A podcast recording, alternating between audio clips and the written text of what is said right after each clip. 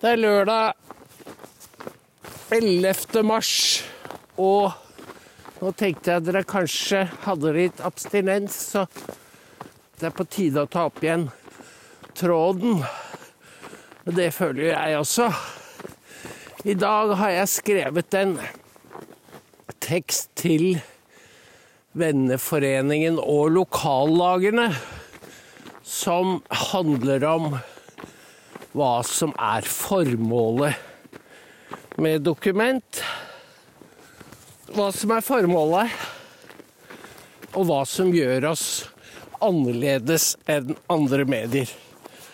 Og det er mye, fordi vi lever i et stort, en oppbruddstid og et stort sosialt eksperiment som er en revolusjon ovenfra. Mange orker ikke ta det innover seg, men du møter dette her på alle områder. Jeg trenger ikke gå i detalj. Det som gjør det så spesielt, er at vi har fått en, et sikkerhetssystem som vil diktere hva vi kan si. Vi har både en ideologi som forlanger at vi skal bekjenne oss til dens dogmer og trosartikler og leve i pakt med dem. Enten det er kjønn eller miljø eller religion. De fleste er ikke enig i dette, de trekker seg tilbake, men nå har det da utviklet seg en stor sikkerhetsindustri som overvåker borgerne og indoktrinerer dem fra vugge til grav. Dette vil jo eldre mennesker vite, og ifølge Einar Øvrenge i hans bok om sosiale medier, så vet de unge nøyaktig hva de kan si, og hva de ikke kan si. Og det skulle jeg gjerne visst mer om, men intuitivt så tror jeg det er riktig.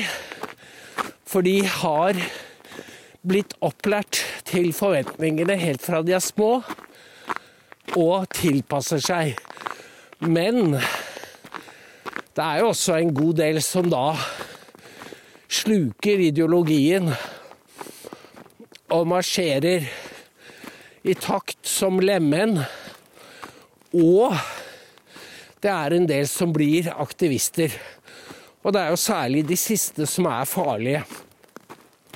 Det er som det blir sagt, at revolusjoner blir ikke utført av et flertall.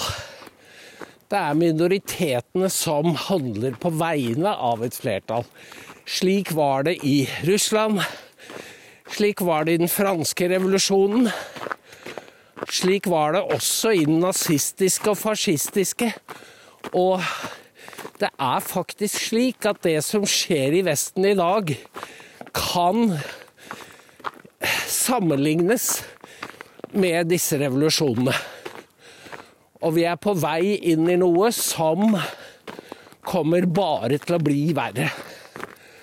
Signalene er jo Det står jo og blinker hver eneste dag. Og da er det Dokument har en helt spesiell oppgave fordi vi må være en eh, kunnskapsbank. Vi må ivareta de sannhetene som systemet prøver å utslette.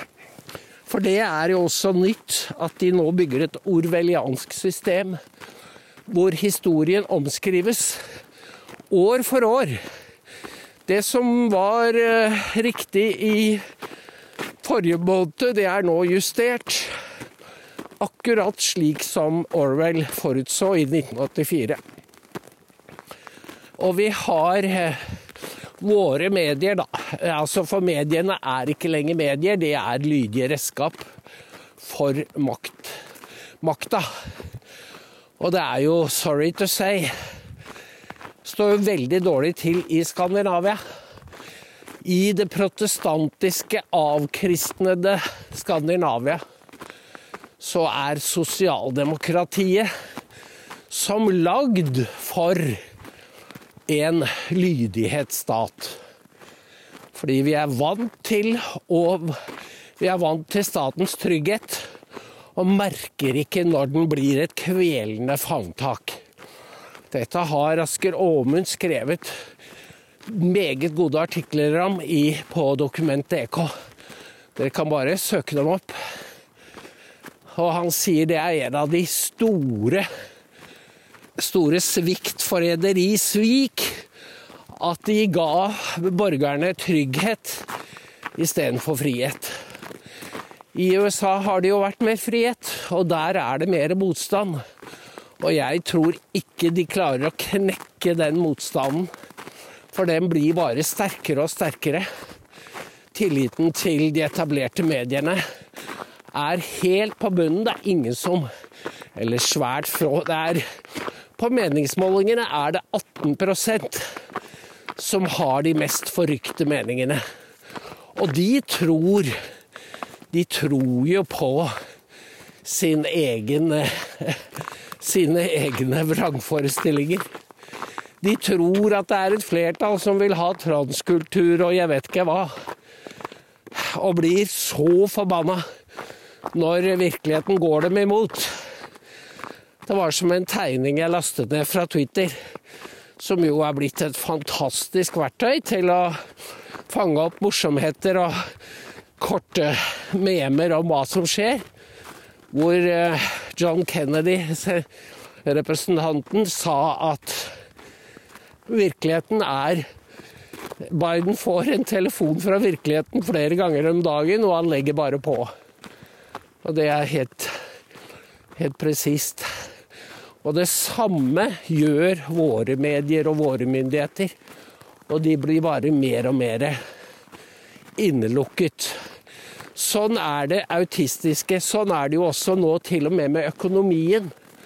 Hvor de ikke vil fortelle folk at det er et stort undervannsskjær i USA og verdensøkonomien.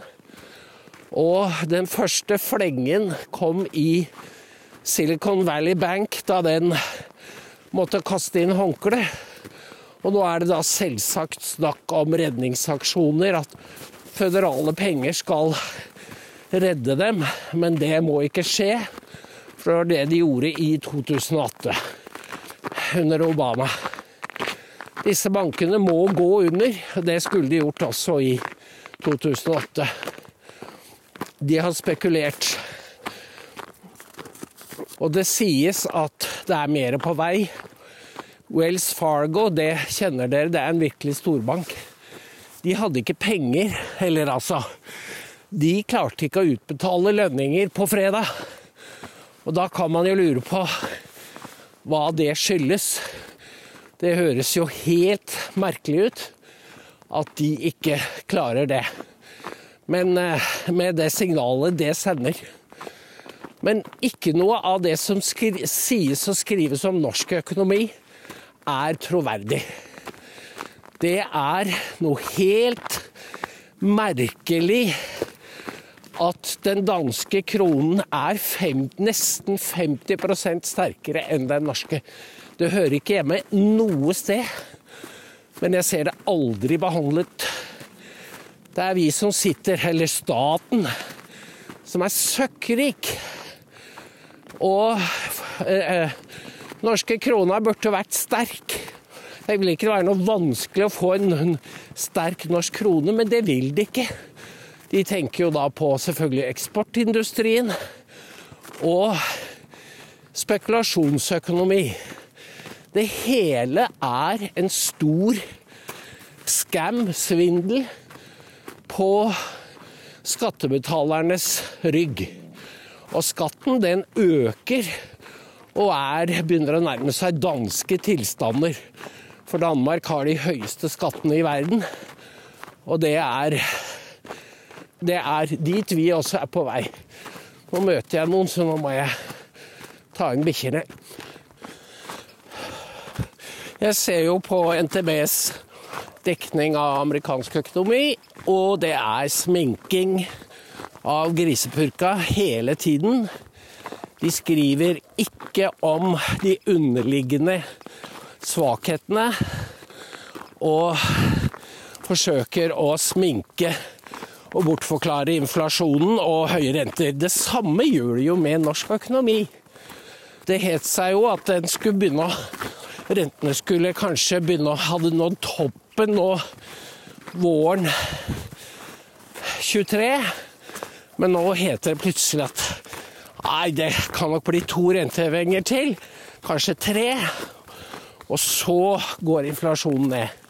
Men dette er bare tull, fordi det er ingen som vet hva som er rundt neste hjørne. Og det kan godt være dramatiske nyheter. Jeg jo, så jo til min forskrekkelse historien om at Kina hadde meglet mellom Iran og Saudi-Arabia i går. Det var en stor nyhet. Men NTB sendte den ut halv fem, og det var, der var noe av clouet det var gjemt nede i saken. Fordi NTB forstår dette er dårlig nytt for deres parti. Her må de Her må de skjule, her må de dempe. Og dermed får ikke folk med seg at dette var et stort nederlag for Biden. Det viser hvor svak han er, og at Kina tar han ved nesen.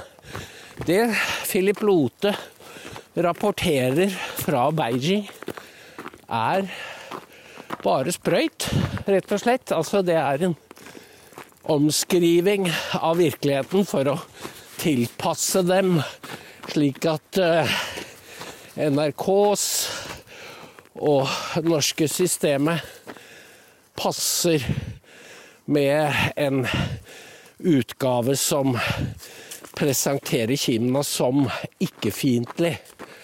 Så nå heter det at det er så dø... bare, Skal bare fortelle. I, I norske medier så heter det da at det, nå, det aldri vært så spent mellom Kina og USA som det er nå.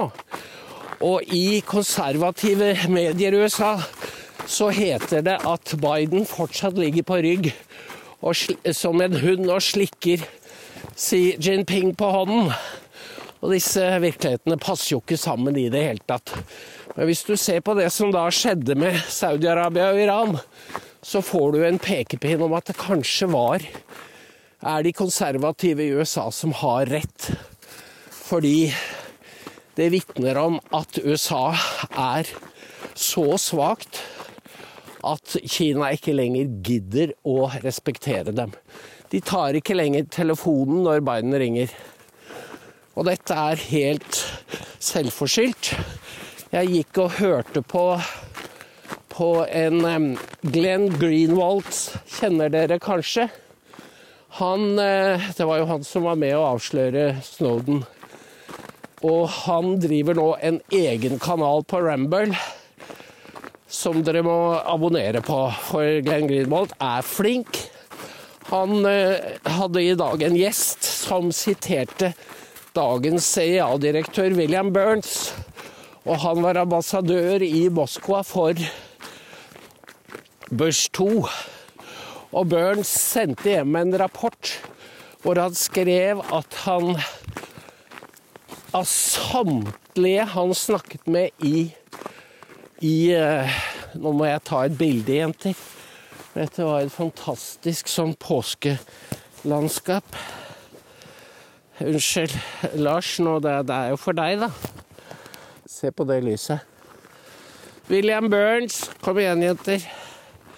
Sendte hjem en Nå skal dere få gå fritt. Eh, William Spurge sendte gjennom en rapport hvor han eh, skrev at samtlige han snakket med i Moskva og eller i Russland, sa at Ukraina var en rød linje. Russland kom ikke til å finne seg i at USA blandet seg inn og rykket frem til den russiske grensen. Og det er jo det de har gjort. De har til og med vært villige til å gå til krig for det. Disse opplysningene er jo helt vesentlige, og de samsvarer med hva vi har visst eller lært i årenes løp. Men det kommer jo ikke frem i norske medier, som nå kun driver med moralisme og belærer russerne og sin egen befolkning i Kongressen denne uken, og det må vi gjøre da en, en USA-spesial på, og kanskje flere, så var jo det høring i spesialkomiteen om eh, weaponization av føderale institusjoner. Og der satt demokratene og forsvarte sensur og sletting av, fra sosiale medier. Og indirekte forsvarer jo da også tap av jobb, for det er jo mange som har mistet jobbene, særlig innen akademia. Dette forsvarer de. Og Jonathan Turley sa det, jeg trodde jeg aldri skulle oppleve den dagen, for han er selv demokrat, at de sitter og forsvarer at første grunnlovstillegg settes til side. I norske medier var det ingenting, så vidt jeg kunne se. Det var en hendelse de forbigikk i stillhet. Og derfor er det jeg sier om dokument. Vi har en så stor oppgave foran oss fordi vi er et oppdragelsesprosjekt. Det er noen som prøver å tre en helt ny virkelighet nedover hodene våre. Og de gjør det med å ta kvelertak på demokratiet. Så vi er nødt for å finne sammen i et nytt fellesskap. Og så må vi lære å beskytte hverandre. Så må vi finansiere et medie som tar opp kampen, og som gjør det på en På den måten som er i gåseøynene bærekraftig. Hvor vi ikke eksponerer folk andre enn de som velger å gjøre det selv. Dette er ikke noe lek. Det er en veldig alvorlig kamp. Og den kommer ikke til å være over før Ja, hvis Trump vinner i 24, så vil det skje mye. Men det er det de girer opp for. Og de er hysteriske, de er paranoide. Og de er villige til nesten hva det skal være. Dette er den koalisjonen Norge er del av, og vi er på den andre siden. Men det vet dere. Så jeg skal offentliggjøre denne plattformen når de andre har fått sagt sitt, kanskje føyd til noe. Jeg skal hilse fra Hanne. Hun var litt skuffet over vipsene for, som hadde falt. Og jeg vil bare si til Hanne at eh, den beste måten å få opp de tallene på, er jo ved å være modig. Ved stadig å vise seerne og lytterne og leserne at vi er på ballen. Fordi da vil vi utløse den energien hos folk som gjør at de vil gi. Vi kan ikke mase oss til vips, vi må vise at vi er verdt saltet. Så Og det vet jeg at dere er enig i. Fordi det er så mange av dere som må ta kontakt og har forstått hva det handler om. 13629, og så lover vi å være tilbake i, i morgen. Takk for i dag.